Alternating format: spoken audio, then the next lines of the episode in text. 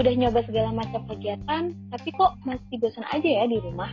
Ah kenapa? Mending dengerin siarannya Radio Kampus aja yuk. 107,3 FM Radio Kampus ITB, play your best music. Nah, sekarang kalian lagi mendengarkan Healthy Party Club. Stay at home, stay produktif.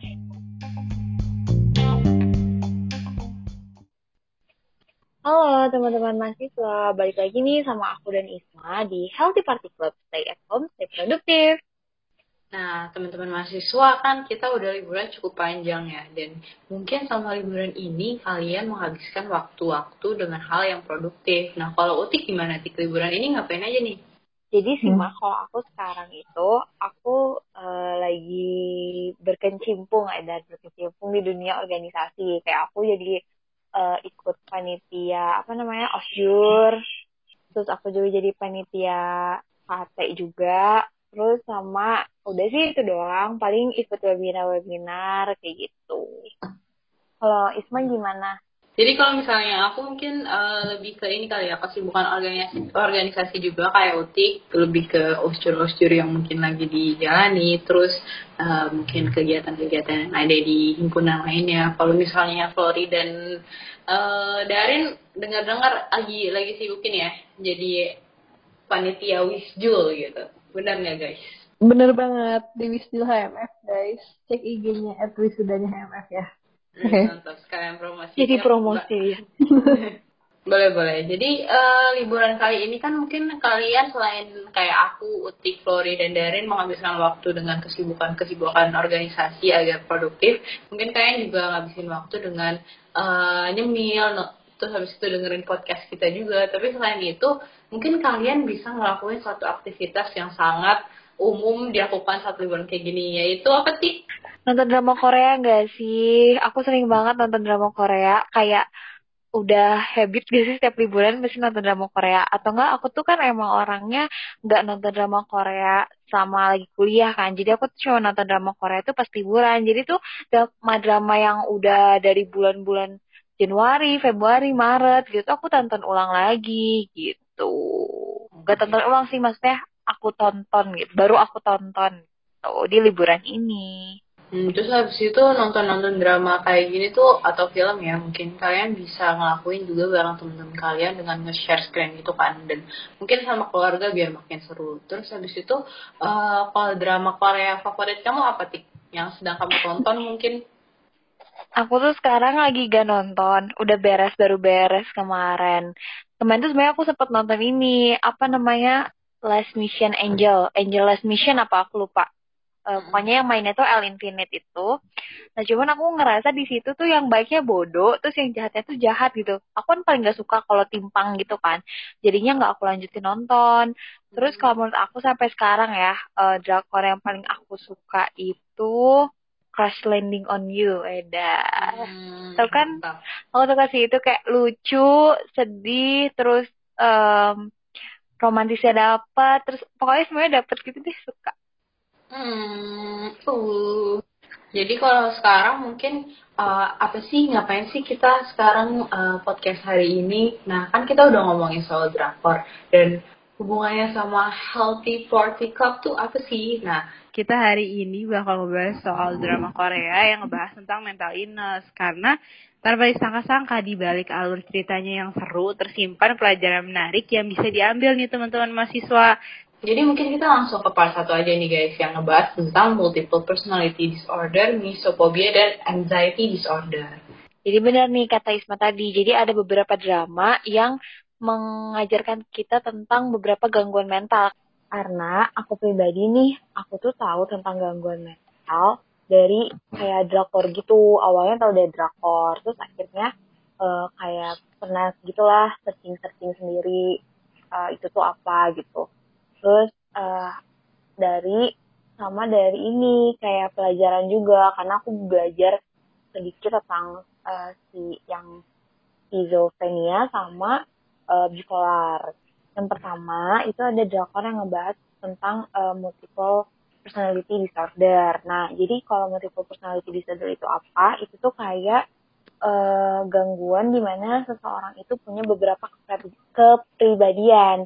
Nah, misalnya nih, uh, aku kan nama aku Yutika nih, tapi dalam diri aku tuh ada kepribadian Yutika dan kepribadian Utik. Di mana sih Utik tuh misalnya orangnya manja, kayak anak kecil, terus kayak cengeng. Tapi si Yutika ini pribadiannya uh, lebih ke kayak dewasa, terus galak misalnya, terus uh, ketus kayak gitulah. Jadi berke berkebalikan gitu. Jadi ada beberapa orang yang berbeda gitu, tapi dalam tubuh yang sama kayak gitu. Nah, drama yang pertama yang mengangkat tentang MPD ini itu ada Heal Me. Nah, Heal Me ini dia itu pemainnya uh, siapa nih? Aku lupa deh nama pemainnya siapa. Pokoknya kalian pasti sering banget uh, ya di drakor-drakor di jadi uh, dia ini tuh punya enam kepribadian. Yang pertama tuh oh tujuh. Oh tujuh ternyata hmm. guys dia punya tujuh kepribadian banyak banget gak sih yang pertama tuh sebagai Cha Do Hyun uh, dia tuh uh, kepribadian yang ini tuh dia suka menolong terus dia agak lemah terus gak punya keberanian untuk membela diri dia sendiri atau orang lain terus dia juga dia tuh eh, frustasi gitu. Oh jadi si Cha Do Hyun ini tuh ternyata adalah pemilik badan yang aslinya. Maksudnya gimana? Dia tuh adalah personality yang harusnya emang ada gitu. Jadi bukan personality yang muncul. Gak sih guys? Jadi biasanya si MPD itu tuh dia orang normal orang biasa yang punya satu kepribadian dan itu tuh kepribadian asli dia gitu. Nah, sedangkan MPD itu nanti dia bakal ngasih kepribadian-kepribadian lain yang bisa itu itu membantu kepribadian aslinya. Tahu aku nih ya, aku sih tahunya dari drakor sebenarnya. Tapi kan biasanya kalau drakor itu dia uh, walaupun cuman kayak drama tapi itu ada ininya juga sih ya kayak ada sainsnya juga gitu. Nah, jadi kalau dari drakor itu biasanya orang-orang yang mengidap MPD ini tuh dia tuh punya trauma gitu di uh, masa kecilnya. Misal kayak waktu pas kecil tuh aku sering dibully gitu. Nah sifat aku yang asli tuh nggak bisa kan menyelamatkan diri aku dari pembulian itu. Makanya aku tuh membuat karakter baru yang bisa uh, menyelamatkan aku gitu. Istilahnya gitu. Jadinya aku punya kepribadian lain nih dalam diri aku. Di mana sih kepribadian ini tuh bisa membantu aku dalam kondisi yang aku tuh dibully itu. Nah, tapi munculnya tuh setelah aku dibully gitu. Jadi nggak pas aku dibulinya gitu. Tuh, oke baik lagi ke yang tadi. Jadi yang pertama tuh ada Cha Do Hyun. Terus kepribadian kedua tuh ada Shin Segi. Nah, kalau Shin Segi ini tuh dia suka kekerasan. Dia tuh uh, selalu bikin masalah lah. Pokoknya dia tipe-tipe yang bad boy gitu lah, yang nakal gitu. Terus ada Perry Park. Kalau Perry Park ini dia suka berlayar, memancing, terus kayak lucu gitu. Dia tuh kayak bapak-bapak aneh gitu lah. Nah, ada juga namanya An Anyuna Anyona apa ya ini bacanya lupa aku. Nah, ini tuh dia uh, tipe anak kecilnya. Jadi kayak dia tuh di sini masih umur 17 tahun, suka make up uh, dan dia suka opa ganteng nih. Jadi bayangin itu tuh kepribadian cewek kan sebenarnya, tapi tuh ada di diri seorang Cha Do Hyun yang ceritanya di drama itu dia tuh cowok gitu. Nah, terus ada juga kepribadian yang dinamai An Yo Yo So Oke, sorry, maaf banget kalau misalnya aku cara bacanya salah karena aku nggak terlalu pinter baca bahasa Korea gitu. Terus uh, si An Yosob ini dia uh, pernah nyoba untuk bunuh diri, terus dia suka puisi, itu sifatnya itu sangat-sangat berkebalikan sama si An Yona tadi. Nah, terus yang ke berapa nih? Ke enam ya? keenam itu ada Nana. Itu dia umur 7 tahun, kayak kecil banget, terus dia suka teddy bear, jadi kayak anak kecil banget gitu. Terus ada Mr. X. Nah, kalau Mr. X ini dia karakter dan umurnya tidak diketahui kayak gitu. Selain Kill Me Heal Me, ada juga nih drama lain yang ngangkat tentang si multiple uh, personality disorder itu, yaitu ada Hide, Jekyll, and Me. Kalau ini tuh dia pemainnya adalah Hyun Bin ya. Uh, om-om kes- kesayangan aku, kecintaan aku Hyun Bin. Oke. Jadi si Hyun Bin ini tuh di sini dia tuh berperan sebagai konglomerat. Dia tuh tajir banget dan dia tuh punya dua kepribadian. Jadi satu kepribadian itu uh, dia tuh kayak orangnya kasar, jutek, pemarah. Pokoknya cowok-cowok yang uh, Korea yang jutek gitu loh. Tau lah ya pasti yang suka nonton drakor. Terus uh, yang kedua tuh cowok yang sisinya tuh baik lemah lembut terus penyabar dan sebagainya macamnya. Dan ini ketemu cewek di mana si ceweknya tuh nantinya tuh jatuh cintanya tuh sama kepribadian uh, yang munculnya gitu. Jadi bukan ke kepribadian asli Hyun Bin-nya si ceweknya tuh jatuh cintanya tapi malah ke kepribadian yang munculnya. Bedanya sama yang Kill Me Heal Me adalah nah kalau di Me Heal Me itu si ceweknya itu mencintai kepribadian aslinya. Jadi kayak ya udah nggak apa-apa kalau misalnya uh, kepribadian-kepribadian yang lainnya tuh dihilangkan. Tapi kalau yang Jekyll and Me ini, si ceweknya tuh jatuh cintanya sama kepribadian yang munculnya. Di mana si kepribadian yang munculnya ini tuh harus ditekan dan harus dibunuh kan. Jadinya biar cuman kepribadian yang aslinya aja yang ada biar sembuh gitu. Nah itu tuh seringnya di situ guys, kayak gitu. Nah tadi kan aku sempat, ini ya sempat intermezzo lah ya, sempat nge-spill kalau sebenarnya kalau dari drakor-drakor ini yang aku dapat itu MPD atau multiple uh, personality disorder itu tuh muncul saat kita punya trauma gitu loh, trauma di masa lalu. Misal, jadi kalau aku nonton dari dua drama ini tuh, misalnya waktu kecilnya itu aku dibully nih, aku dibully, aku di uh, disiksa atau aku kena kekerasan dan segala macam, tapi aku tuh apa ya, ibaratnya uh, diri aku dengan kepribadian aku yang asli itu aku nggak bisa melawan itu semua gitu. Aku tuh nggak bisa istilahnya nggak bisa bahkan membantu diri aku sendiri kayak gitu. Nah akhirnya secara nggak sadar aku tuh ngebuat kepribadian lain yang bisa membantu aku. Nah itu gitu. Biasanya tuh si MPD itu atau MPD itu uh, munculnya tuh gara-gara itu. Kalau dari drakor ya ini uh, kalau jadi perspektif drakor. Karena aku pernah uh, baca-baca tentang si multiple uh, personality disorder itu. Tapi kalau dari drakor aku sih kayak gitu. Tapi kalau menurut aku sih, kalau aku tak setahu aku ya drakor-drakor kalian itu sebelum mereka bikin drama itu mereka juga research dulu gitu loh. Jadi nggak yang uh, ngasih apa ya, cuman cerita doang. Tapi sebenarnya mereka juga ngasih apa ya, ngasih pencerdasan sedikit lah gitu. Jadi sebelum mereka ngasih tahu ceritanya begini begini, mereka juga nyari faktanya apa benar kayak gitu, kayak gitu. Kayak lanjut, mungkin Isma ada drama-drama lain. Oke, okay, buat next drama, aku bakalan ngasih drama yang uh, menceritakan soal misofobia atau fobia terhadap eh, hal-hal uh, yang kotor. Nah, drama ini tuh judulnya Clean with Fashion for Now. Pemainnya itu ada Kim Yo Jung sama cowoknya itu adalah Yoon Kyun Sang. Ceritanya ini soal Jang Sun Gil yang diperankan oleh Yoon Kyung Sang yang takut terhadap kotoran, kuman, debu, dan resiko penyakit yang berlebihan.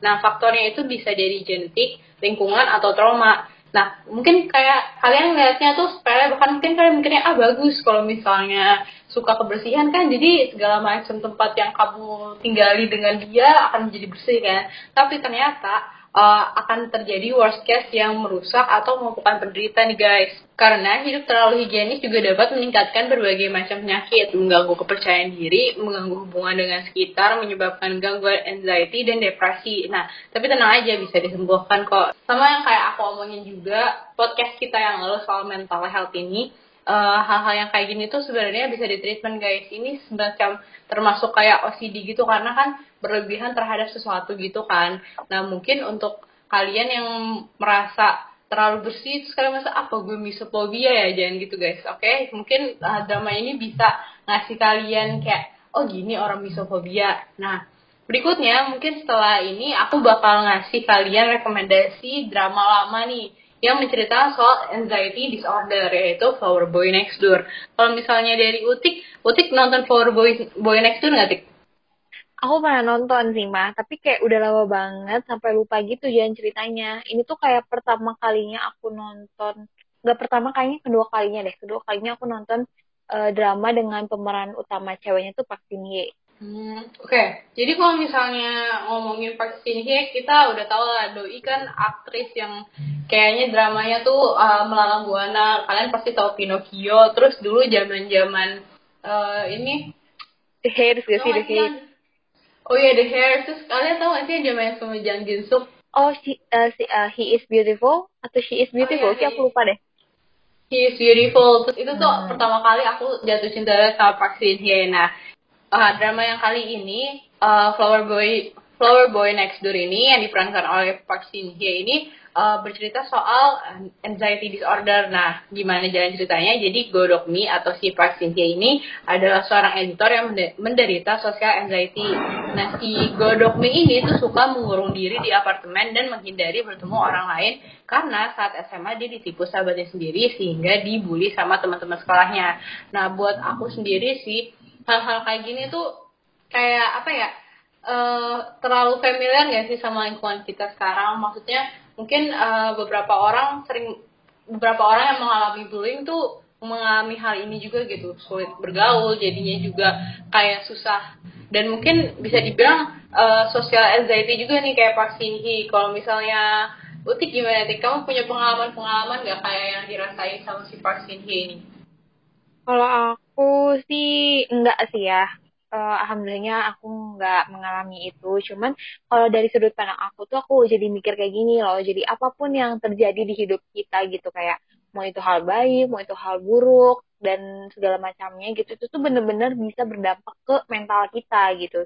Berdampak ke kepribadian kita. Jadi kayak kayak gamparan gitu loh buat kita kita gimana sih biar uh, apa namanya cara kita memperlakukan orang lain itu tuh bisa diterima baik sama orang itu dan nggak menjadi sumber gangguan buat dia gitu. Karena kan biasanya kalau misalnya kita terlalu jahat atau misalnya kita kayak sampai ngebully orang gitu dan orang itu jadi kayak punya kayak punya gangguan kayak pasiennya ini atau ya bisa dibilang anxiety disorder kan itu kayak kalian ngerasa nggak sih kalau kalian itu jadi part penyebab masalah dia juga gitu? Itu kayak ngerasa sedih aja sih kalau dari aku Hmm, iya sih benar. Nah, jadi uh, sebenarnya drama-drama kayak gini tuh bukan sekedar kalian nyari hiburannya juga. Selain kayak nyari hiburan, kalian juga belajar soal penyakit-penyakitnya. Terus habis itu kalian juga bisa ngambil pesan moralnya nih guys. Salah satunya di drama ini jangan jangan sampai kalian ngebully orang lain dan bisa membuat orang lain tuh punya fobia karena skill guys itu sangat mempengaruhi hidup orang lain. Oke, okay. next jadi kita bakal ngebahas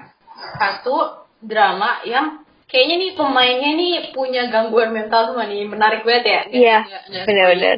Dan emang drama ini tuh kalau misalnya aku bilang sih mungkin uh, salah satu drama favorit aku kali ya. Karena selain uh, ada Mas Jo In Sung yang tampan sangat hmm. terus ada juga uh, Lee Kwang Soo dan Dio. Wah mantap. Lee Kwang Soo ya udah Prince of Korea dan Dio. Aduh oh my god uh, di EXO aja suaranya membuat aku bergetar-getar dan dikdukser gitu. Iya benar-benar apalagi kalau bukan judulnya Utik. It's okay that's love. Oke, okay.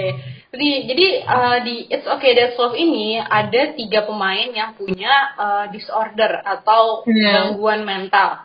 Yang pertama tuh pemeran utamanya si Jo In Sung, terus abis itu uh, ada pemeran ceweknya Gong Hyo Jin dan juga Lee Kwang So. Hmm. Sok atau dijelasin utik gangguannya apa aja nih yang mereka alami?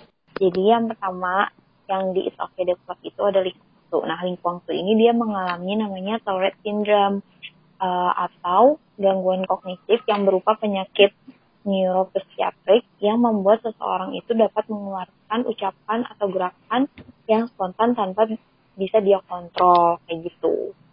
Kalau di drakor ini atau di uh, drama It's Okay ini si Kwang Soo ini sering banget kayak tiba-tiba uh, berkedut si apa sih namanya mata berkedip ya kalau mata berkedip. Tapi kalau bagian muka gitu berkedut kayak disebutnya kayak tiba-tiba tuh gimana ya mengkerut sendiri gitu. Gak mengkerut apa ya aku bilangnya oh my god. Susah deh pokoknya dijelasinnya terus atau kadang-kadang uh, dia tuh kayak suka uh, kejang-kejang sendiri gitu tanpa dia kontrol gitu. Padahal itu tuh kayak hal apa ya nggak ada apa-apa. Dia nggak minum apa-apa dia nggak nggak ada masalah apa-apa. Tapi dia tiba-tiba kejang-kejang sendiri atau kadang dia tiba-tiba pokoknya ngobrol ngomong hal yang aneh kayak gitu. Nah itu dan dia nggak bisa kontrol gitu. Nah itulah sindrom si uh, sindrom Tourette itu. Nah tapi dari drama ini tuh si Kwang Soo itu ceritanya mulai belajar untuk menerima diri dia yang seperti itu gitu. Dan juga mulai uh, apa ya mau untuk berlahan-lahan tuh menyembuhkan gangguannya itu. Nah, terus kalau dari Jo In Sungnya sendiri, Jo In Sung ini dia mengalami yang namanya skizofrenia yang aku pernah di uh, podcast kita sebelum. Uh, dia selain mengalami uh, skizofrenia ini dia juga mengalami PTSD jadi singkatnya atau singkat dan padatnya tuh karena dia punya PTSD akhirnya dia dia punya skizofrenia gitu. PTSD itu adalah post traumatic stress disorder. Jadi waktu pas masa kecil itu si Jo In tuh kalau aku inget aku apa ya? Inget aku tuh kayak sering dipukulin gitu sama kakaknya sebagai macamnya.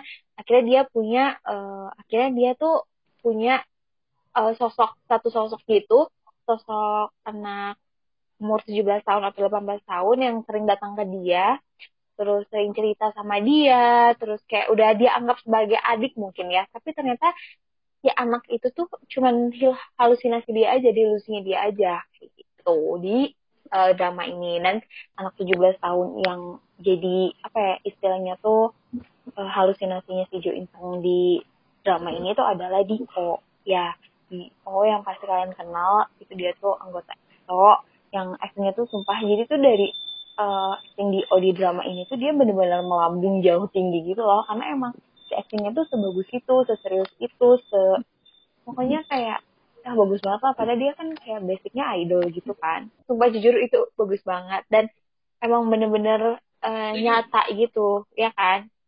Terus yang terakhir tuh ada dari si pemeran ceweknya yaitu Gong Hyo Jin jadi kalau Gong Hyo Jin ini dia juga sama dia punya uh, eh, PTSD yang uh, diakibatkan oleh kenangan buruk di masa lalu yaitu perselingkuhan ibunya. Jadi si Hyojin ini dia itu ngelihat perselingkuhan ibunya gitu. Jadi dia lihat uh, ibunya itu kalau nggak salah ya kalau di dramanya tuh seingat aku tuh dia ngelihat waktu kecil dia tuh ngeliat ibunya cuma sama cowok lain gitu.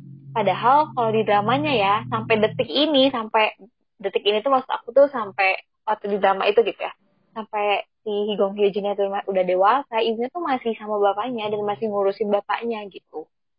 Nah, jadi uh, akibat PTSD itu atau PTSD itu dia tuh akhirnya mengalami yang namanya genofobia, yaitu kelainan akibat rasa berlebihan dan irasional terhadap seks. Nah, jadi dia itu bahkan nggak bisa kayak cuman tidur sama orang yang dia cintai gitu. Jadi kayak ada aja rasa kayak panik, takut.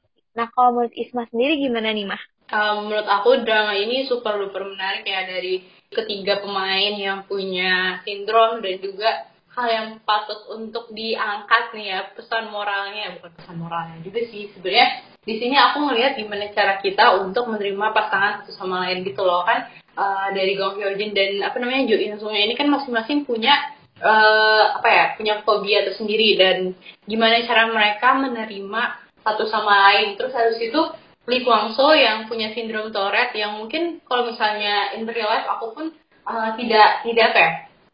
Aku pun merasa itu rada asing gitu untuk ada di sekitar aku. Dia berhasil untuk uh, mendapatkan apa ya pasangan Lee Sung Kyung yang uh, bisa menerima dia tuh apa adanya guys. Jadi menurut aku untuk orang-orang yang punya sindrom ini yang ada di sekitar kita mungkin bisa kita rangkul juga dan nggak ada salahnya untuk mencintai mereka bukan dalam arti sebagai pasangan juga tapi uh, untuk menormalkan mereka gitu. Seenggaknya kalau misalnya mereka merasa diri mereka nggak normal kita bisa membuat mereka merasa mereka tuh normal gitu. Hmm, bener banget bener banget. Aku setuju banget sama Isma. Jadi sebenarnya tuh dari drama-drama Korea yang kalian pikir uh, cuman kayak udah cuman hiburan doang gitu uh, menemani kalian di masa-masa liburan atau di masa-masa kalian butuh hiburan kayak gitu sebenarnya tuh banyak sebenarnya pelajaran yang bisa kita ambil gitu tergantung dari drama apa yang kalian tonton. Oke, selanjutnya ini bakal aku bahas tentang eh, drama-drama yang mengangkat PTSD atau post traumatic stress disorder gitu. Jadi drama yang pertama yang mengangkat tentang si PTSD ini yaitu adalah Romantic Doctor Teacher Kim. Jadi kalau misalnya kalian udah nonton pasti kalian bertanya-tanya kan, ah enggak kok nggak ada yang punya post traumatik atau gimana gitu. Sebenarnya kalau yang di drama ini tuh aku lupa gitu kan apakah yang mengalami PTSD itu pemeran utamanya atau bukan. Tapi kalau ingat aku emang banyak juga gitu pasien-pasien yang uh, ceritanya ada di dalam cerita tersebut tuh dia mengalami PTSD akibat kecelakaan-kecelakaan yang mereka alamin kayak gitu. Kalau Isma sendiri mungkin ada nggak drama-drama lain yang ngangkat si PTSD ini mah? Jadi sebenarnya seingat aku ya, jadi si romantic doctor teacher Kim ini nih diperankan oleh si ceweknya kan So Hyun Jin kan. Jadi So Hyun Jin ini tuh sebenarnya uh, menderita PTSD guys, post traumatic Oh. stress disorder.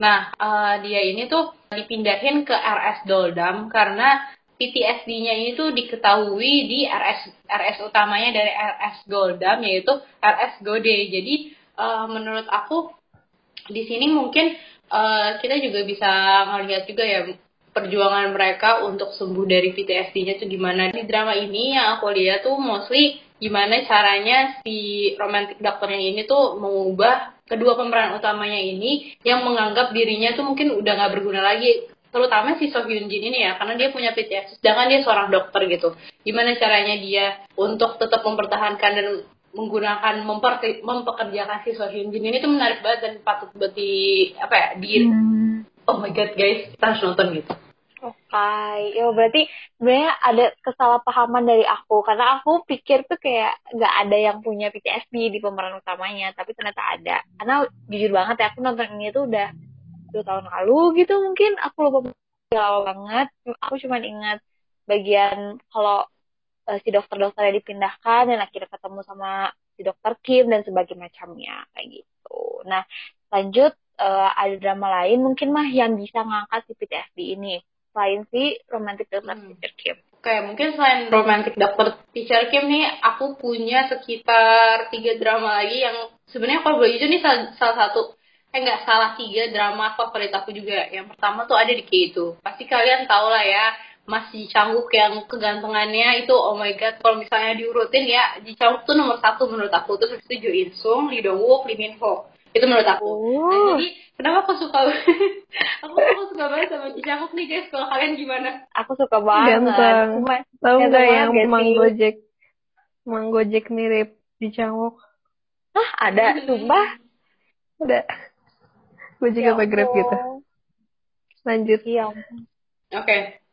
Jadi eh, biasanya mungkin kalian ngeliat nih di Healer di Cangwook eh, menjadi agen rahasia. Terus abis itu di itu again again eh, dia memerankan drama yang action guys. Dan emang dia tuh dapat banget kalau main drama action. Nah tapi di The Key ini yang punya masalah PTSD ini bukan di tapi ya, yang punya masalah PTSD ini tuh si Goana yaitu seorang anak konglomerat yang memiliki trauma akibat almar- almarhum ibu kandungnya. Jadi di sini kan Goana ini sebagai peran utama anak konglomerat yang dijaga oleh si Ji Chang-wook ini. Nah, si Goana ini ibunya tuh pas masih kecil tuh dibunuh guys, makanya dia mengalami PTSD. Sebenarnya hal-hal kayak gini menurut aku sih emang apa ya?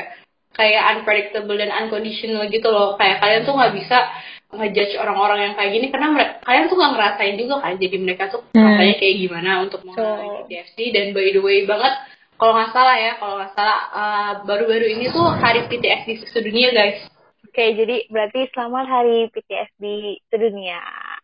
Tanggal 27 guys. Hmm, jadi Oh, ya, baik kan? jadi tanggal tu- 27 kemarin itu hari PTSD sedunia guys jadi menurut aku kenapa bahkan ada hari PTSD sedunia karena hal-hal seperti ini hal-hal traumatik seperti ini yang mem- membuat suatu sindrom PTSD ini tuh emang kayak apa ya kalian tuh nggak bisa menghindari gitu jadi untuk kalian-kalian di luar sana yang mengalami PTSD semoga kalian merasa nyaman sekarang dan bisa men- mendapatkan lingkungan yang membuat kalian nyaman juga oke next Mantap. Next, uh, ada What's Wrong with Secretary Kim. Mungkin kalian suka banget ya sih? Aduh, aku jujur, nah ini tuh, tau gak sih yang kayak uwu-uwu bego gitu?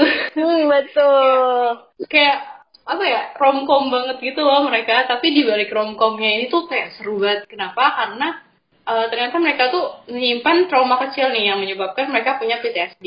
Yaitu dari pemeran utamanya, um, Park Seo Joon yang memerankan Lee Yong Jun. Ini tuh dia trauma terhadap cable tie karena kakinya tuh pernah diikat sangat pincang oleh cable tie dan Kim Min So yang diperankan oleh Park Min Young itu dia trauma terhadap laba-laba dan keduanya ini mendapatkan trauma ketika mereka tuh diculik guys. Nah, yang paling uwu dari drama ini adalah ternyata tuh dari awal si Kim Min So daftar jadi sekretarinya tuh si apa namanya Park Seo Joon tuh udah tahu kan uwu banget kayak jadi selama ini tuh dia sudah mencintai Kim Min So dari kecil. Oke, next. Nah, berikutnya ini Terus dia menepati drama- janji. Nikah. Iya benar.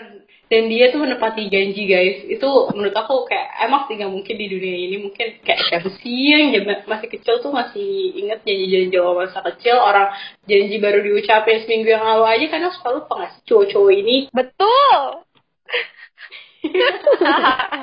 gitu guys. Oke, Ya Allah, padahal aku-. Padahal aku nggak ada pengalaman seperti itu ya, tapi menurut aku itu betul. Mm-mm. Kapan lagi guys kalian punya cowok kayak Park Seo Joon ini di Secretary Kim cuman buat Kim Miso aja lah di sini. Oke next. Jadi drama berikutnya drama keempat yang membahas soal PTSD ini ada The King Eternal Monarch. Jadi Hmm. uh, The King ini tuh baru banget baru banget nih sebelum oke aku ngaku tik aku tadi uh, rapat sambil nonton The King. Parah banget. Jadi- Wah. Oke, sorry sorry. Aku daripada tidur mending nonton drama, oke? Jadi aku baru banget nih nonton The King dan menurut aku dari dari segi ceritanya ya, ini tuh menarik banget guys. Unpredictable lagi-lagi, tapi dari alur ceritanya ya. Dan apa sih hubungannya dengan PTSD? Jadi si Lee Gun ini uh, atau yang diperankan oleh Lee Min Ho, dia tumbuh sebagai sosok yang angkuh dan tidak suka disentuh orang lain. Nah, bagian tidak disentuh orang lainnya ini yang uh, apa ya bisa kita sebut dengan PTSD karena dia tuh mengalami kejadian traumatis ketika dia tuh hampir Hmm. dibunuh sama si pamannya nih masih inget banget gue Hmm. namanya Lilim gitu. Nah terus iya Hmm, benar-benar. tuh sedang dicekik seseorang apabila kerah bajunya tuh terlalu sempit. Yang uh, The King apa nih? Lupa aja nama dramanya. Pokoknya oh The King Eternal Monarch ini tuh nggak di state gitu. Kalau si uh, Ligonnya tuh punya PTSD. Cuman kalau misalnya dari gejala-gejalanya, kita tuh apa ya? Masa kita kayak ini kayak dia PTSD deh gitu. Karena yang pertama itu tadi dia pernah mau dibunuh kan, dia pernah mau dibunuh dan karena dia pernah mau dibunuh itu, jadinya dia nggak suka di uh, tentu sama orang yang nggak dikenal dan juga dia nggak suka kalau serahnya tuh terlalu ketat. Oke, nah lanjut. Nah, selanjutnya itu ada yang namanya sindrom Safan. Nah, sindrom Safan ini aku juga pertama kali dengar. Jadi kayak baru-baru banget dan ini tuh yang angkatnya adalah eh, drama Good Doctor. Kalian pasti pernah dengar gak sih kayak drama Good Doctor? Tahu aku sih ya pada zamannya gitu. Ini kalau nggak salah tuh waktu pas kita masih SD atau SMP gitu ya si drama ini tuh hype banget itu karena katanya emang sangat menyentuh hati tuh si dramanya. Jadi dia tuh dialami oleh Juwon. Juwon itu pemeran utamanya eh, digambarkan sebagai seorang dokter. Nah, dia si Juwon punya cacat sosial, tapi dia tuh brilian dalam keahlian di bidang tertentu. Nah, mungkin cacat sosial dan briliannya ini tuh disebut dengan nama sindrom Safan gitu. Sebenarnya jujur aja ya, aku kurang tahu banyak tentang si sindrom Safan ini. Nah, Juwon ini dia mengalami kesulitan ketika harus berhubungan dengan orang di kehidupan nyata. Jadi mungkin kalau misalnya aku baca dari sini, eh, mungkin lebih ke ini ya, apa ya, namanya susah, sulit untuk bersosialisasi mungkin, tapi dia jenius, mungkin lebih ke situ ya. Nah, kalau dari Isma, mungkin Isma ada ada pengetahuan lebih tentang sindrom Safan, karena kalau aku pribadi sih aku nggak, dan aku juga nggak nonton drama Good Doctor ini, karena menurut aku terlalu sedih. Jadi kalau misalnya dari aku soal Good Doctor dan Syndrome Safan ini, dulu tuh aku mikirnya kayak, ah apa mungkin gitu seseorang punya kemampuan yang kayak extraordinary lah gitu ya ibaratnya. Dan ternyata kalian sering dengar gak sih beberapa eh, orang, khususnya yang sering aku dengar sih di India gitu gak sih, sering apa ya, dia masih muda, tapi kayak pinter banget gitu. Dan Hmm. yang aku cari-cari ternyata nih ada nih anak umur 9 tahun namanya Sarja di di India. Dia ini tuh mengidap sindrom Safan juga. Jadi sebenarnya Hmm. Jadi menurut aku drama ini tuh temanya tuh sangat unik gitu. Dia mengangkat suatu sindrom yang bener-bener sebenarnya jarang juga orang ngeh soal sindrom ini dan bisa mengemas dengan bagus sampai membuat apa ya terhanyut gitu loh penontonnya. Karena emang dengan aku ini tuh sedih banget, ya nggak sih? Hmm, hmm. Aku juga dengarnya tuh ini sedih, aku- jadi aku nggak mau nonton karena sedih gitu. Nah, iya sama aku juga sama kayak Otik gara-gara sedih aku nggak mau nonton. Tapi buat kalian nih pengen nangis-nangis apalagi misalnya sekarang aduh bosen gue ngapain nangis ah nonton ini boleh nih guys. Nangis. Iya bener banget. Nah, Oke. nah selanjutnya ini tuh ada drama yang mengangkat tentang hipertimesia. Nah, dramanya ini merupakan eh, drama yang dibintangi oleh Park Min Young. Pasti tahu dong Park Min Young ya, yang pemeran cewek yang di Sekretari Kim itu.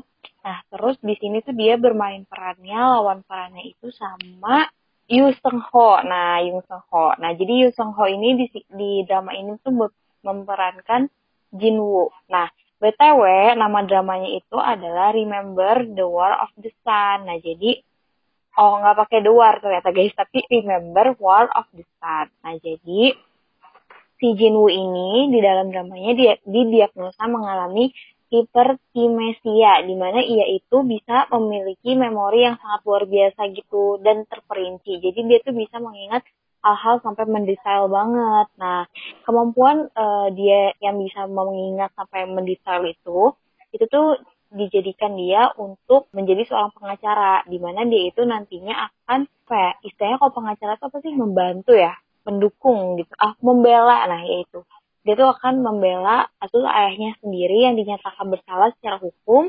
Namun ketika si Jinwoo ini udah kayak udah mau banget nih udah tinggal di tahap tinggal membela ayahnya dan ayahnya tidak bakal dinyatakan tidak bersalah eh dia malah mengalami Alzheimer gitu di dramanya. Hmm. jadi ingatannya mulai berantakan sehingga dia tidak dapat membuktikan kembali bahwa ayahnya tidak bersalah. Oke lanjut mah. Mungkin ada drama lain. Oh berikutnya ini uh, dari tadi sebenarnya kita kayak ngebahas sindrom-sindrom ini ya sih yang apa ya mungkin jarang kalian dengar kan kalau seperti PTSD atau mungkin kayak anxiety social anxiety kayak kayak kayak gitu gitu kan mungkin kalian udah biasa dengar dari tadi kan kita bahas sindrom Savant terus habis itu ada hipertimensia hmm. yang kalau misalnya sindrom Savant tadi kan dia uh, memiliki cacat sosial tapi dia brilian nih. Mm -hmm. Kalau misalnya hipermensi, hiper hipertimensia mm. itu dia uh, punya keingatan yang sangat kuat. Kalau misalnya berikutnya mungkin kebalikan dari keduanya yaitu sindrom propagniosa yang yeah. Iya. uh, diangkat jadi tema buat The Beauty Inside yaitu mm. si cowoknya ini dia itu mengalami sindrom propagniosa. Nah, sindrom propagniosa nih apa sih? Jadi sindrom propagniosa ini itu dialami oleh Sodoje, itu pemeran utama cowoknya. Dia itu seorang CEO maskapai penerbangan yang punya masalah dan mengenali wajah orang lain. Jadi sindrom propagniosa ini adalah sindrom yang susah untuk mengenali wajah orang lain. Jadi kayak kamu ngeliat wajah ini nih, tapi kabur gitu loh, kayak hah, hah gitu. Terus kalau misalnya hmm. uh, sindrom ini tuh di dramanya tuh jadi masalah buat dia karena dia kan seorang CEO ya dan orang-orang tuh uh, dan dia tuh sering banget ketemu sama orang-orang penting dan tidak mengenali orang-orang penting kan adalah sebuah masalah ya di suatu masalah sosial gitu ya apalagi buat or, seorang CEO kayak dia. Nah Betul. itu uh, di sini tuh ada si Han Sege yaitu pemeran utama ceweknya yang merupakan aktris yang punya uh, tabiat yang cukup misterius karena dia itu bisa berubah uh, sebulan sekali nih wajahnya. Menarik banget kan? Jadi menurut aku ya di sini tuh yang paling menarik adalah si RCG-nya ini. Iya benar-benar ya? Iya gak sih? Itu kayak aku agak agak mikirnya ini agak ada sisi mental health-nya juga eh bukan mental health ada sisi gangguan jiwanya juga tapi ada sisi yang ngayalannya juga gitu iya benar-benar benar unik gitu. Iya, ya, jadi kayak perpaduan aku, gitu ya, Mah ya. Iya, benar-benar benar. Keren. Jadi uh, kayak si HCY ini kan apa ya mereka salah HT bagian tadi. Jadi menurut aku keduanya itu tuh memiliki kekurangan yang bisa saling melengkapi gitu. Jadi hmm. Ceweknya punya keanehan yaitu mukanya berubah-ubah tiap tiap bulan nih. Tapi cowoknya nggak bisa. Ya udahlah, lo mau berubah-ubah juga gue nggak kenalin lo gitu. Terus kalau misalnya si cowoknya aduh kayak gue kayak ngerasa nggak mungkin bisa punya orang yang gue sukai karena gue nggak bisa ngeliat wajah orang tapi ada kok orang yang uh, justru pengennya nggak dikenali gitu pas uh, saat dia berubah jadi menurut aku tuh mereka saling melengkapi dan jujur ini tuh uh, drama yang sangat unik ya dan uh, menurut aku selain keunikan masa uh, dia bisa berubah-ubah tiap bulan dan juga sindrom yang dialami si pemeran utama cowoknya peran-peran yang sampingan-sampingan kayak mungkin biasanya kayak uh, setiap si ceweknya berubah tiap bulan tuh pasti ada aja gitu loh hal-hal positif yang bisa dilakukan kayak hmm. membantu cewek yang dibully terus habis itu dia ngebantu orang lah pokoknya makanya ini drama recommended deh keren gitu betul banget. Nah ini judul dramanya adalah The Beauty Inside Case. Jadi nontonnya itu ramah banget. Nah jadi mungkin dari tadi tuh kita udah berkicau banyak lama juga dan mungkin uh, sedikit membosankan. Mungkin bagi kalian semoga aja enggak ya. Semoga uh, apa yang kita jelaskan dan cara gitu untuk kalian. Nah mungkin segitu aja dulu nih teman-teman mahasiswa dari kita, dari aku dan Isma. Jadi kalau misalnya kita ringkas tadi, uh, dari tadi itu kita udah ngebahas beberapa uh, gangguan mental yang diangkat menjadi tema suatu drama. Dan drama ini tuh drama Korea lah ya kita sebut. Nah jadi mungkin uh, dari pemaparan kita tadi itu tuh seenggaknya bisa jadi kayak uh, masukan gitu lah buat teman-teman mahasiswa kayak oh ternyata dengan nonton drama ini atau nonton drama itu aku tuh bisa dapat ilmu lain loh gitu mungkin ilmu lainnya itu adalah dalam bentuk uh, pengetahuan tentang gangguan mental kayak gitu nah kalau dari Isma gimana mah Iya bener banget tuh yang tadi Otik bilang. Jadi sebenarnya guys nonton-nonton yang kayak gini tuh nggak selamanya cuma buat misi waktu luang kalian. Pengetahuan hmm, benar. Dapat soal ilmu-ilmu kesehatan misalnya. Terus mungkin kalian juga jadi tertarik nih untuk mengetahui hal-hal yang kalian baru ketahui dari drama ini. Jadi buat kalian-kalian yang menggabut, nggak ada salahnya kok buat nonton drama Korea dan akhir-akhir ini banyak nggak sih? Bahkan cowok-cowok yang nggak suka drama Korea aja sekarang banyak yang jadi nonton drama Korea gara-gara liburan panjang kayak gini.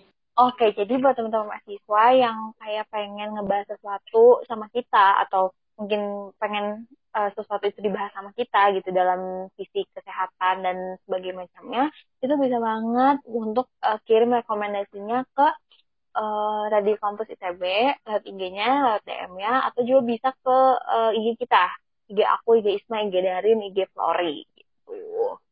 Dan uh, jangan lupa juga selalu dengerin Healthy Party Club jam 3 sore setiap hari Jumat di Spotify-nya RK Podcast.